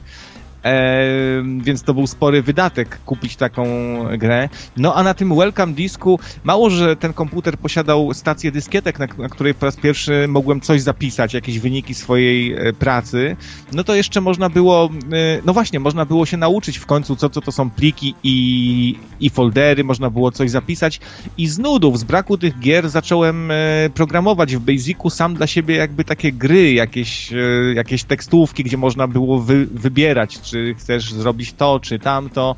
E, programowałem sobie dźwięk, żeby zmusić ten biedny komputerek, na którym nic nie było, żeby z siebie jakieś dźwięki przynajmniej wydawał. E, e, no ta nauka angielskiego, no bo nie było jakichś tam fajnych gier, to znaczy fajnie były dobrane, bo oprócz tych dwóch e, tekstówek była jeszcze taka gra, gdzie ustawiało się, no typu tanks, gdzie ustawiało się kąt strzału mhm. e, i siłę strzału. To też jakieś takie bardziej zaawansowane niż głupia strzelanka, nie? No bo trzeba już troszeczkę jakiś tam właśnie kąt poustawiać, siłę, e, więc fajna rzecz. E, i po prostu ten komputer bardzo sprzyjał. Były dołączone fa fajne takie książki, gdzie ten basic był opisany. E, no i wtedy się jakoś tam e, zainteresowałem takimi poważniejszymi e, rzeczami na komputerze. Wniosek z tego taki, jak kupujecie teraz dziecku komputer, to jak się dzieciak zapyta, a gdzie gry tata, to sam se napisz. Tak, tak powiedzcie. Coś, coś w tym jest. Jak e, wspomniałeś o tych grach tekstowych, to e, pamiętam właśnie jeszcze w czasach, e, w czasach Turbo Pascala miałem straszny, straszny problem, bo chciałem sobie napisać taką grę, taką wiesz, taką w stylu RPG, nie? Że wyświetla, wy, wyświetla ci się, że wchodzisz, wchodzisz do karczmy, no i tam ci daje jakieś tam akcje, tylko chciałem, żeby to było użycie naturalnego języka. I w ogóle prze, przekopałem mnóstwo jakichś dziwnych, e, dziwnych tych, dziwnych książek i tak dalej. Dowiedziałem się, że istnieje coś takiego jak odległość Lewensteina, która może ci, e, która daje e, stopień podobieństwa między dwoma łańcuchami znaków. E, czyli przykładowo, nie wiem, czy, e, Aha. wchodzisz, do, wchodzisz do karczmy, no i masz dwa, i masz, nie wiem, tam opcję rzucasz granat i nie wiem, i siadasz, i siadasz i pijesz piwo, nie? I e, chodziło, to co chciałem zrealizować, to jest to, że jeżeli ktoś by nie napisał tego dokładnie, nie napisał słowo w słowo tego, co tutaj się stało, żeby w dalszym ciągu zostało to e, zaakceptowane. No i właśnie miara Lewensteina pozwoliła mi na, e, na zdecydowanie, czy odpowiedź, którą wpisał użytkownik, jest bardziej podobna, do której, do której z możliwych odpowiedzi jest najbardziej podobna. No i jeżeli byś napisał przykładowo rzucam granit, to wtedy rzuciłbyś granat i byś poszedł w tę stronę w całej historii. E, także, no, takie, takie, no w sumie kompletna, kompletna niby głupota, ale co swojego researchu zrobiłem jako trzynastolatek, to zrobiłem. A, no, Strasznie no to teraz, mnie to bawiło. Teraz, te, teraz to rozumiem i to faktycznie przydatna rzecz, bo później e, jak wychodziły te gry z, e, Sierry typu tam Lary czy Police Quest, to zdaje się, że one też miały zaaplikowane coś takiego, bo można było czasami z błędem chyba coś wpisać, chociaż głowy nie dam sobie uciąć, ale ty to, to kurczę, to ty robiłeś zaawansowane dość rzecz, rzeczy jako, jako taki dzieciaczek jeszcze. No, znaczy, wiesz, no ja, ja jestem pro, programista for life, także nie, nie ma rzeczy, którą umiem lepiej niż to, bo tym się, tym się po prostu całe, całe życie zajmuję, nie? E, no ale wiesz, no ale powiedzmy tego Turbo Pascala zacząłem lizać mając, mając lat, nie wiem, 8, tak? W wieku 10 lat już się, już się bawiłem w tryby graficzne, graficzne i inne pierdoły. Też swoją robotę miał mój 5 lat starszy brat w tym wszystkim, który pomagał mi e, szukać też informacji, z których będę mógł się uczyć, nie? I to też było też troszkę na zasadzie rywalizacji. A ty tutaj wy, wy, wy, ten, pokazałeś e, ten BMP, tak? To ja zrobię, kurde, sobie tutaj pięć plików BMP i je wyświetlę w sekwencji, żeby wyglądały jak animacja. I co? I zatkao kakao? Ta rywalizacja naprawdę zajebiście dużo nam dała. Pamiętam też, jak um, zajmowałem się Amosem, czyli takim amigowym basiciem, jakby tylko takim wypasionym. On miał całkiem niezłe możliwości. Można było w nim robić naprawdę niezłe gry, które troszeczkę tam wolniej działały, no bo to zżerało troszeczkę mocy jakoś, e, to, że, że był to, jak to się mówi, wysoko po, poziomowy czy nisko poziomowy język? No, a, niskopoziomowy to, to jest, jest niskopoziomowy, bo on jest nisko. nisko tuż przy procesorze, a wysokopoziomowe to jest taki bliżej użytkownika. Procesor jest zawsze niżej niż użytkownik. No tak to ten fizy- był fizycznie, wysoko. No. To ten był bardzo wysoko, bo to się trochę ślimaczyło, ale możliwości miał niezłe. Nawet e, z kolegą jednym prowadziliśmy taki magazyn e, dyskowy, wydawaliśmy Mega Amos Mania czy coś takiego. Ja tam robiłem grafikę e, interfejs do tego, żeby tam można było przewijać te strony i on był tylko o Amosie. No i w tym Amosie nawet potrafiłem zrobić jakieś tam animowane ludki, które szły w lewo, w prawo, detekcja tam y, kolizji, jak się stykał, stykał ten ludzik z czymś, to umierał jeszcze trochę i bym się nauczył y, grę, grę napisać. Potem był Action Script, w którym już nawet całkiem niezłe rzeczy robiłem. No dzisiaj to niestety poszło to wszystko w piach, bo Flash zdech E, to znaczy, no może i nie zdech całkiem, ale to już, zdech, to już mało kto... Zdech, zdech, zdech. I, niech, i niech tam zostanie. I niech on, ja tutaj czekam z kołkiem osinkowym w dłoni. Jak tylko, jak tylko się, jak odrobinkę się wieko trumny otworzy, to kurde, to, to, to, to zabije. To bijesz. Zdechł i dobrze, że zdechł, bo tam jest jego miejsce. No w sumie tak, to, to, to, koszmar. To, to było i niezabezpieczone, i ślamazarne, i kompa potrafiło zamulić i takie jakieś... Chociaż no jak się pisało w tym action scriptie 3.0, to już du dużo lepiej było. No w każdym razie, no dzisiaj znowu pewnie już zapomniałem jak się, jak się skryptuje. Nie wiem, czy można to programowaniem nazwać w ogóle, co ja robiłem, czy skryptowaniem. W ogóle fajny byłby kiedyś odcinek, jakbyś zrobił na przykład o narzędziach takich dla lamerów, takich jak ja, właśnie, żeby mogli za pomocą tych narzędzi stworzyć jakąś prostą grę, czy jakiś program. No to dzisiaj mówię. Napisać, Dziś, dzisiaj mówię, to... kup, kup, sobie Lego, Lego, Lego, e, e, e Lego Boost albo tego, tego Mindfucka i no, dajesz. Mindfuck, Lego Mindfuck. I tutaj Henryk Mickiewicz na czacie się ze mną zgadza. Tak, także Brofist, e, mój drogi, tak, zdecydowanie oby zdechł. Swoją drogą jedna z, no na pewno bezapelacyjnie z najlepszych e, zabawek edukacyjnych, czyli właśnie Lego. Yy, przynajmniej ja tak uważam. Też się wychowałem na Lego, bardzo miło to, to wspominam. To widziałem, jak oni zaczynali. E, gość, który rozkręcał to na początku, nie pamiętam niestety imienia, nazwiska, ale zaczynał od drewnianych zabawek i one mu się tak sobie sprzedawały i rewolucją było przejście, z, y, zrezygnowanie w ogóle z drewna, przejście na plastik i, ale przede wszystkim yy, przede wszystkim system, e, bo pierw jego zabawki nie były systemowe zupełnie i on wpadł na pomysł, żeby one były systemowe, żeby wszystko zgadzało się ze wszystkim i dało się łączyć jedno z drugim, niezależnie co mhm. kupisz i to była rewolucja e, po prostu. E, pamiętam też, że kiedyś te klocki Lego trochę inne były, były, były bardziej takie właśnie systemowe i uniwersalne, że, a, a dzisiaj to trochę to zanikło, bo te części produkują takie, że one jakby to powiedzieć, no że to już nie przypomina tego systemowego Lego, gdzie są te klocuszki, z których można wszystko zrobić, tylko masz nagle jakąś w ogóle jakiegoś ludka, którego klockiem jest cała zbroja, tak? No to już bez sensu to jest, to jest, to jest no, troszeczkę. Niby trochę tak. Nie wiem, czy pamiętasz taką serię Lego Technics.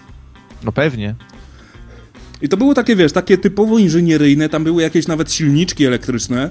Ja pamiętam e, kiedyś na urodziny, chyba, nie wiem, no jakieś młode w każdym razie, dostałem coś na zasadzie wyścigówki. I ta wyścigówka e, miała, e, miała e, coś w stylu skrzyni biegów, dwubiegową, e, właśnie ten e, silniczek elektryczny, który przekazywał swój napęd taką gumką, takim paskiem rozrządu, który się przenosiło i miała działającą kierownicę. I to było, wiesz, i to było mega. No i właśnie, te, właśnie ta cała systemowość, nie? Że mogłem sobie zrobić tę wyścigówkę, ale mogłem potem sobie zrobić z tego jeżdżący autobus na podstawie wszystkich innych klocków, które miałem. To samo miałem, ten sam zestaw, to jest bardzo kultowy zestaw. Kurde, e, ja go jeszcze gdzieś u staruszków mam. No to kurczę, a ja widzisz się wyzbyłem tych wszystkich kultowych y, rzeczy. Wklejam wam obrazek. Y, miałeś ten, y, ten, prawda? Oj, krawiec, ty to masz łeb do interesów. Nie, nie ten. Ja miałem jednoosobową wyścigówkę. Ty, ty biedaku. ale no, a ja miałem tą, widzisz, taką troszkę y, bardziej wypasiony model, ale nie do końca wypasiony, ponieważ nie miałem do niego silniczka. E, ale udało się zamontować silni silniczek tak od biedy, jakoś tam na siłę trochę, który był nieprzystosowany do tego samochodu, był od innego jakiegoś zestawu. On był dużo większy, ni niestety, ten e, silnik, no ale faktycznie to było fenomenalne, że tam był układ kierowniczy, że tam była skrzynia biegów, e, że e, były resory. E, Oj tak, no. I, i, I te fantastyczne gumowe kółka wielkie. E, ale to ciekaw jestem, jaki ty miałeś model. No to, to, to, to, to właśnie, ciekawe. Właśnie szukam, bo widzę coś podobnego, ale kurczę, no nie jestem, nie jestem w stanie. To było coś w stylu mm, takiego pustynnego łazika bardziej niż, bardziej, nie, bardziej niż wyścigówki. O... No w każdym razie to było to była zabawka, która wtedy, za, za czasów PRL-u, jak inne dzieciaki zobaczyły, że ty masz coś, coś, coś takiego, to dosłownie otwierały gęby, tak? No bo to był czas, że no te polskie zabawki do, to, to był jakiś inny świat, nie? W ogóle.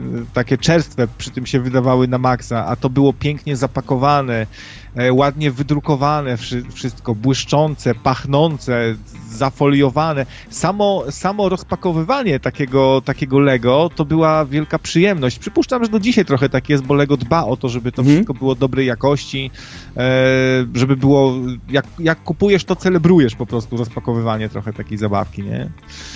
No, na pewno inną świetną zabawką jest właśnie Minecraft, no i skłania to y, dzieciaków do tego, aby nauczyć się pisać skrypty. To mo moim zdaniem fenomenalna sprawa, no. No tak, no, to jest w ogóle, to jest e, i to chyba nawet Kuba kiedyś mówił i jeżeli dobrze pamiętam, to nawet się zdarzyło w teorii chaosu, e, gdzie wiesz, gdzie e, sam tak bardzo z dużym dystansem do Minecrafta przez wiele lat podchodziłem i mm, zainteresowałem się nim jakieś, nie wiem, 4-5 lat temu się okazało, że tam są naprawdę cuda niewidy. Tam nie jest tylko redstone, tylko tam są na przykład w odpowiednim trybie, jeżeli sobie włączysz, są tak zwane code blocks, czyli możesz sobie zaprogramować na jednym klocku e, coś, co właśnie wykona ci pewien algorytm, nie? No i masz taki, taki code block, nie? I go rzucasz i on ci buduje całą twoją automatyczną kopalnię. No i oczywiście, to nie jest tak wygodne, jak się programuje Java czy cokolwiek innego współczesnego, ale to kopie i to jest w stanie dzieciak zrobić, a dzieciaki, no, mają czas, nie muszą, wiesz, płacić podatków, nie muszą się martwić o to, czy będą miały co do garnka włożyć. Przynajmniej te dzieciaki, których stać na, na, na komputer, który na którym będzie działał Minecraft. E, więc wiesz, więc e, no to jest naprawdę, wiesz, to jest zupełnie, zupełnie inna historia, no i Minecraft jest no absolutnie czymś, co powinno być, wiesz, co powinno być moim zdaniem nawet w szkołach, tak? Zamiast tej informatyki, na której uczysz się jak pogrubiać tekst w Wordzie, bo to każdy dzieciak sobie e, wyciągnie powiedzmy z domu, a jak nie wyciągnie, to już nawet szkoła mu nie pomoże, ale właśnie tego Minecrafta, żeby zrobić jakąś autonomiczną kopalnię, czy żeby, wys albo żeby wysadzić domek koledze. No, bo w ogóle jest, ja uważam, że dobra szkoła to jest taka, która cię zarazi miłością do jakiejś dziedziny wiedzy, a niekoniecznie e, zmusi cię do wkucia na blachę jakichś tam regułek czy czegoś, co jeszcze cię zniechęci. E, za, zaszczepi w tobie miłość do literatury albo właśnie do programowania, nie? A nie, że po prostu na, nauczysz się jakichś rzeczy, które się szybko zdezaktualizują, które będą nudne, które jeszcze cię zniechęcą, to bez sensu zupełnie. Znaczy wiesz, to jest, to jest ten problem, że e, to jest ten problem naszej starej edukacji, że myśmy musieli się faktycznie paru rzeczy e, wkuć na blachę i się nauczyć i po prostu spędzić ten czas w książkach, ale teraz już wiemy na tyle dużo, że jesteśmy w stanie zrobić taką interaktywną zabawkę, czy tak napisać takiego Minecrafta, żeby właśnie dzieciak się potem bawił, nawet nie zdając sobie sprawy z tego, że robi sobie naprawdę niesamowicie zaje przysługę yy, dla swojej przyszłości. Tak się dzisiaj autocenzurujesz, chyba chcesz wrzucić gdzieś to potem tą audycję gdzieś, nie wiem, na Tak, na, na, na, na, stronę Nocnego Radia. Nie, znalazłem, znalazłem fajny sample, bardzo mi pasował do, e, do tej historii, którą przytoczyłem na początek.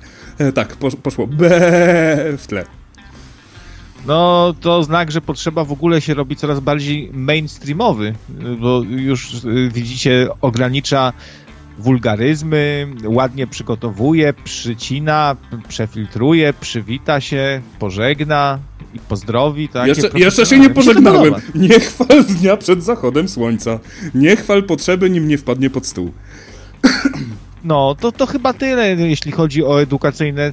Pamiętam, a takie najgorsze edukacyjne zabawki, jakie mi się kojarzą, to, to taka polska zabawka edukacyjna drewniany klocek z dziurami, do którego się kołki wbijało młotkiem i nauka była z tego taka, że jak w jedną dziurę wbiłeś, to z drugiej wychodził ten kołek, wy, wypychało drugi ale to kołek. Było tak, ale to, było, to była taka zabawka, że tam były różne kształty, czy po prostu taki kołek i tam i się uczyłeś, że jak ten, jak coś to trzeba młotkiem przywalić?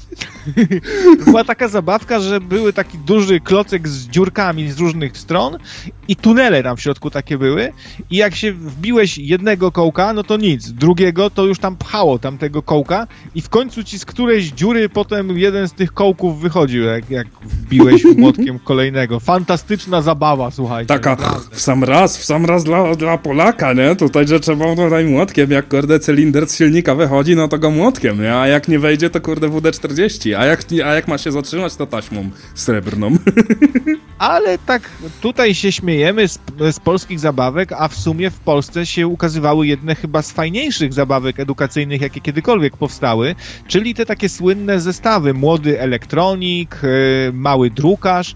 Moim zdaniem naprawdę świetna, świetna sprawa i pamiętam, że, że bardzo fajnie się bawiło, no zwłaszcza to chyba tym młodym elektronikiem, bo tam był silniczek, żaróweczka, e, jak można było y, po prostu zrobić takie mini urządzonka różne. Znaczy wiesz, to, to fajnie brzmi i e, powiem tak, jako dziecko, kiedy się o tym dowiedziałem, to znaczy dowiedziałem się gdzieś tak mniej więcej, no nie wiem, gdzieś może na początku liceum, bardzo chciałem położyć swoje łapy na tym bo jestem takim, e, sam jestem takim niespełnionym elektronikiem, który lubi sobie poluzować, który sobie e, lubi zaprogramować jakąś Atmegę albo Arduino i coś sobie z tego zrobić.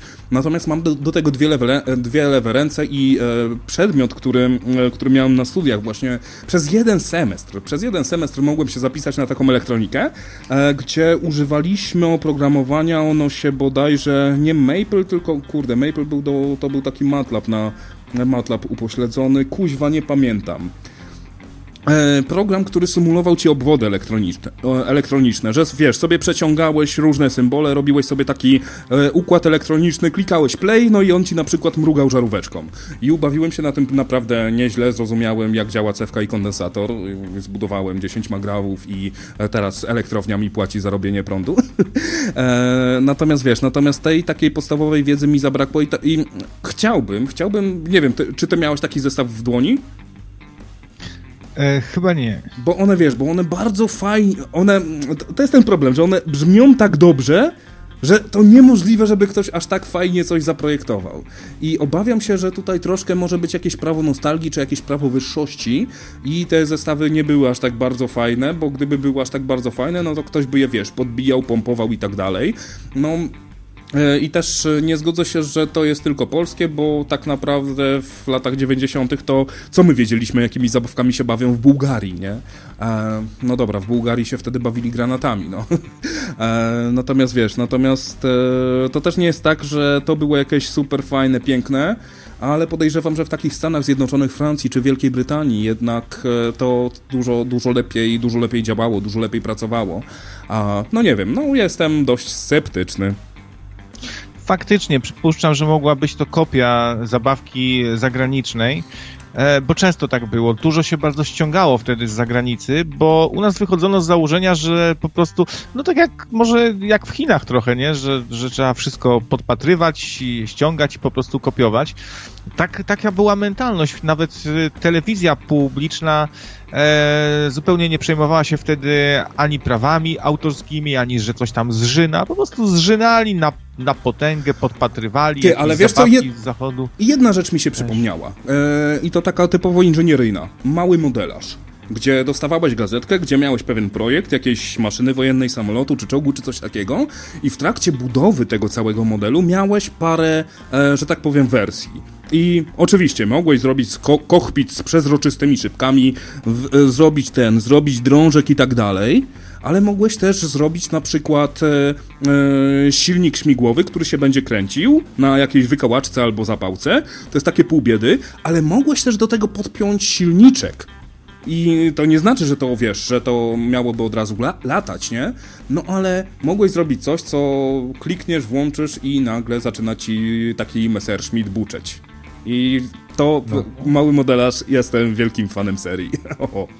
No fantastyczne te samolociki były do sklejania różne, bo o tym mówisz o tym, tak? Że tak, takie tak, tak, tylko, że, tylko modele samolotów. Tak, tylko że, że wiesz, że to nie były modele samolotów, które dostawałeś w postaci wytopionego z plastiku wzoru, e, który tam sobie, wiesz, kładłeś i tak dalej, tylko miałeś papier który naklejałeś na tekturę o odpowiedniej grubości, brałeś gąbeczkę, żeby tutaj tak troszkę, wiesz, uwypuklić, zaokrąglić i tak dalej, potem brałeś farbki, malowałeś coś tam, jakieś tam pierdoły, mega fantastyczna zabawa.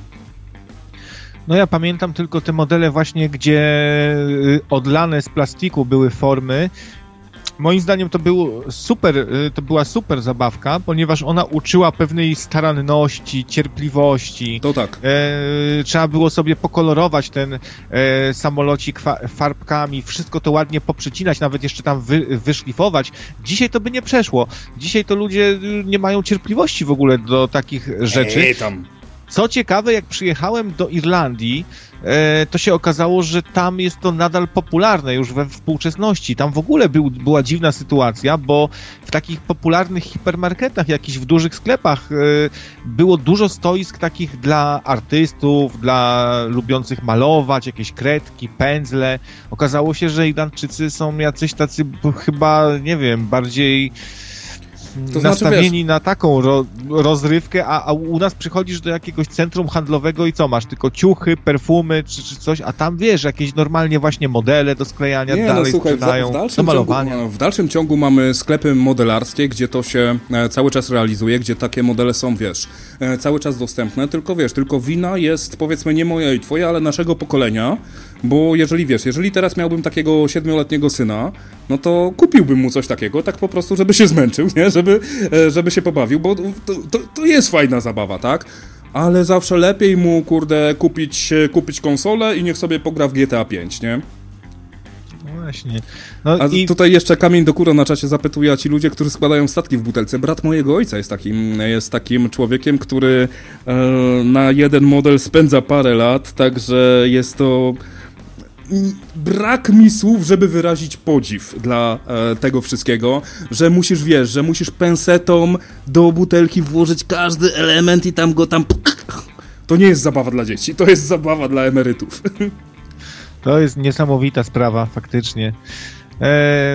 Pamiętam też, e, kiedyś się dowiedziałem, że ten zestaw mały drukarz sprzedawany jeszcze w PRL-u a to się dowiedziałem od osoby takiej trochę współświadka, że to było bardzo rozchwytywane przez różne maści fałszerzy.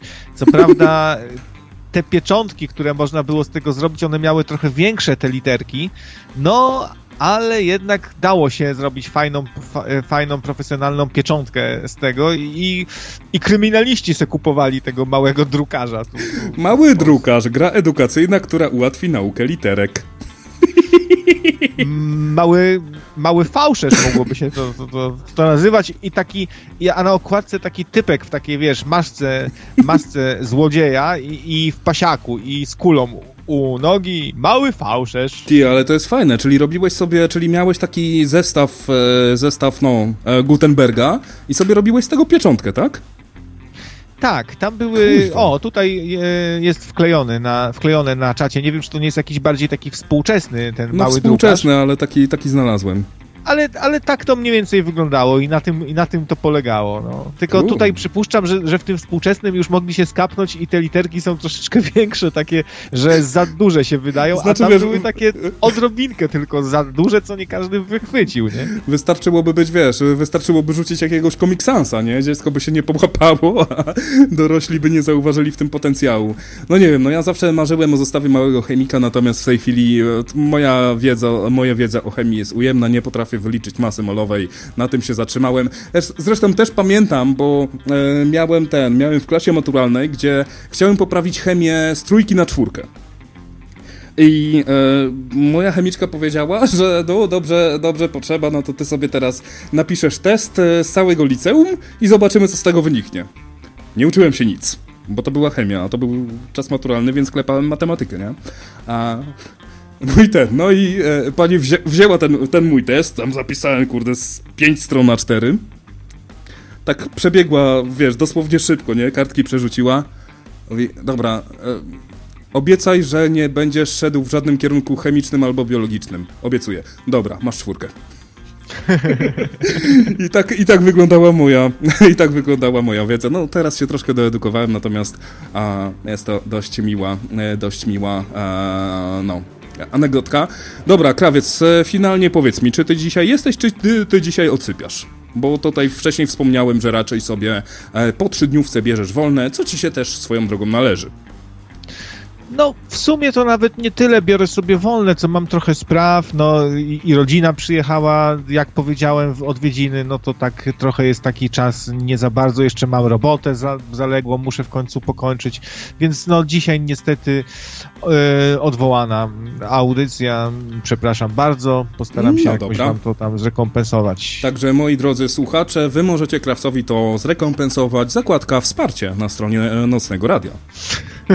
Zasłużył trzy dni, napieprzał dzień w dzień. Także to naprawdę nie w kij dmuchał. A we, weź to powrzucaj, bo widziałem, że na czaty, na, na, na czat wrzucałeś linki, a sobie jeszcze tego nie odsłuchałem, także e, wrzuć na stronę w wolnej chwili.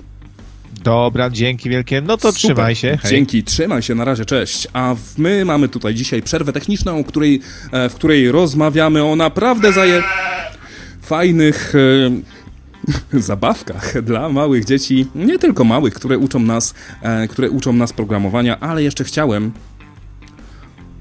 O, oho, tutaj mi kamień do kuro podrzucił coś, co e, być może mnie e, zainteresowało Kurde, znam skądś tę te, te nazwę. On się czasami u Elektrobuma nie pojawił? No nieważne.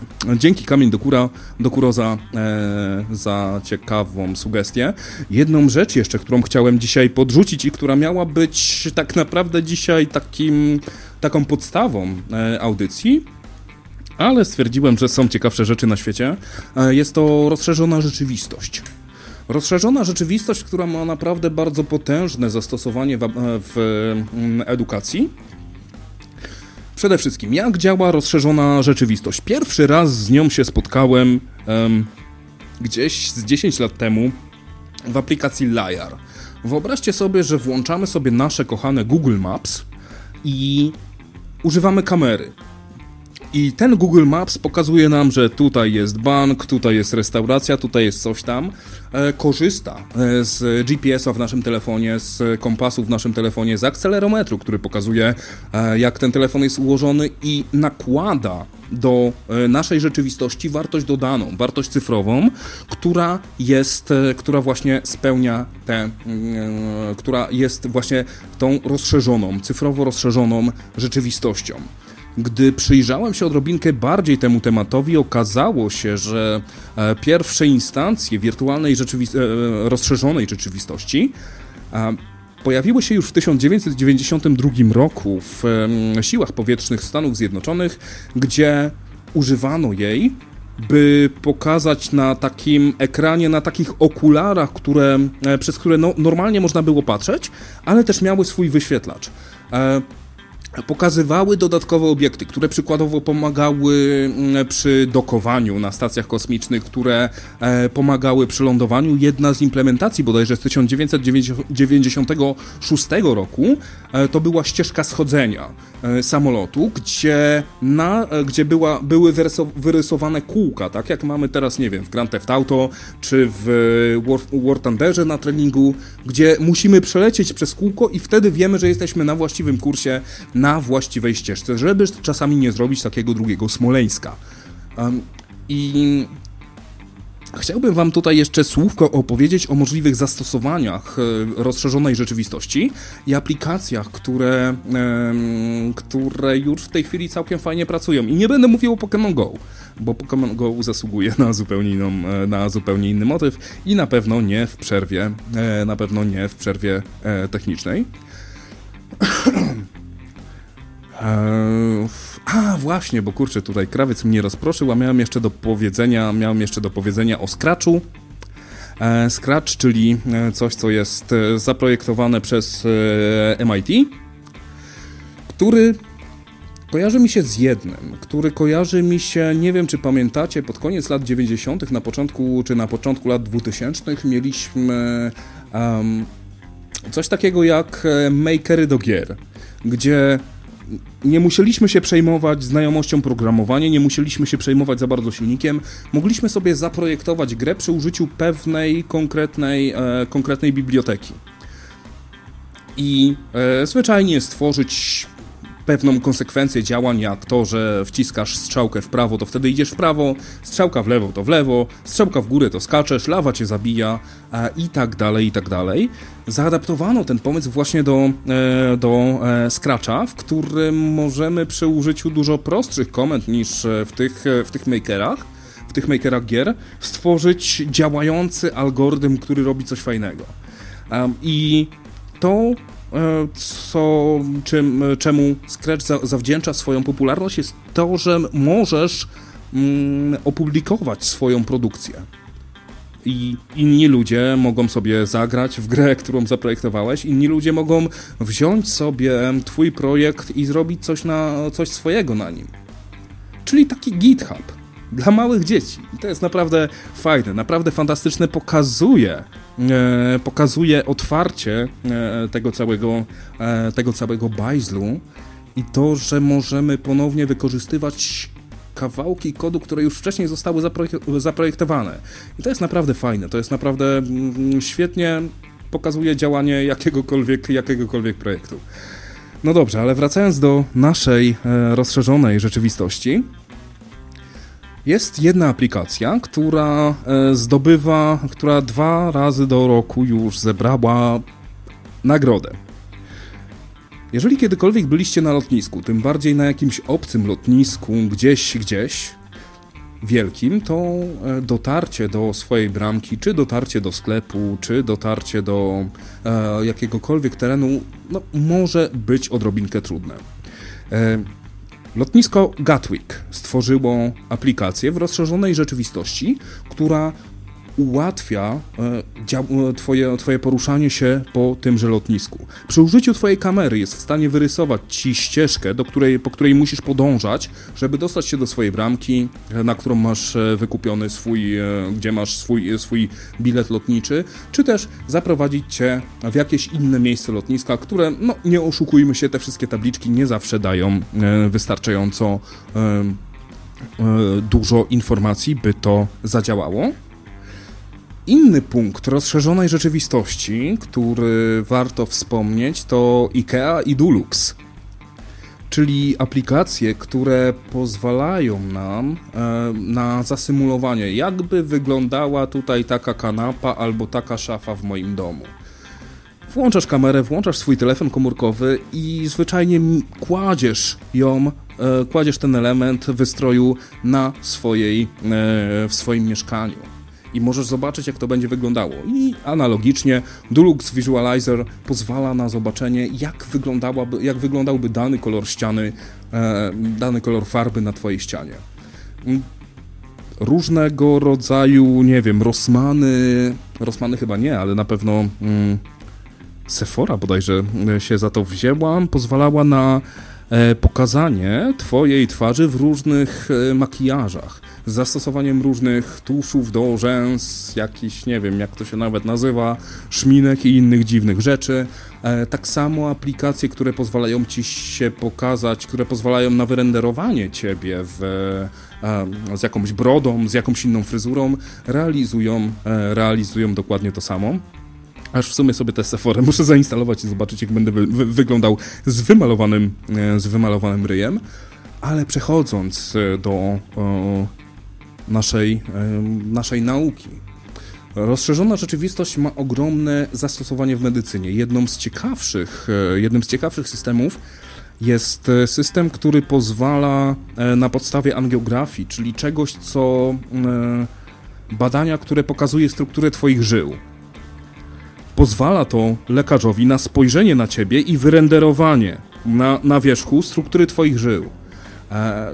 Co może nie od razu wydaje się aż tak bardzo, aż tak bardzo fajne, ale no właśnie, nie wiem czy nie wiem, czy spotkaliście się z takimi a, grami jak Counter-Strike i tak dalej, z różnymi i strzelankami, gdzie istnieje coś takiego jak wallhack gdzie możemy, instalując odpowiednią modyfikację tego oprogramowania, zobaczyć naszego przeciwnika przez niewidzialne, e, przez, niewidzia e, przez e, ściany, które blokują nam jakąkolwiek wizję.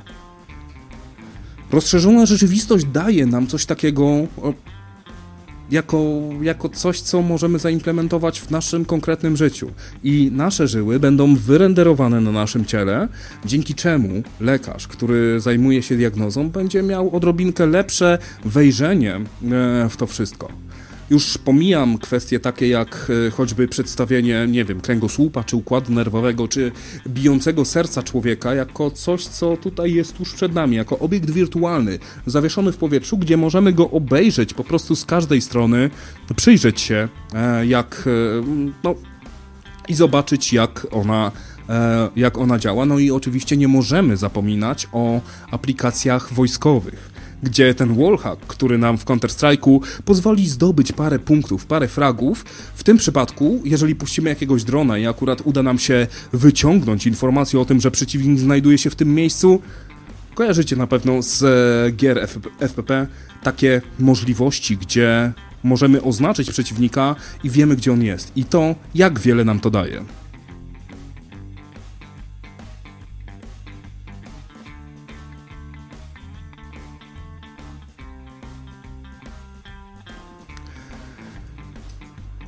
No i oczywiście jeszcze zostaje cała e, historia związana z rozrywką, no bo wiadomo, że ta rozszerzona rzeczywistość daje nam, e, daje nam niesamowicie e, dużo. Jeszcze trzy, słów, trzy słowa na temat tego, w jaki sposób taka wirtualna rzeczywistość może się do nas podpiąć.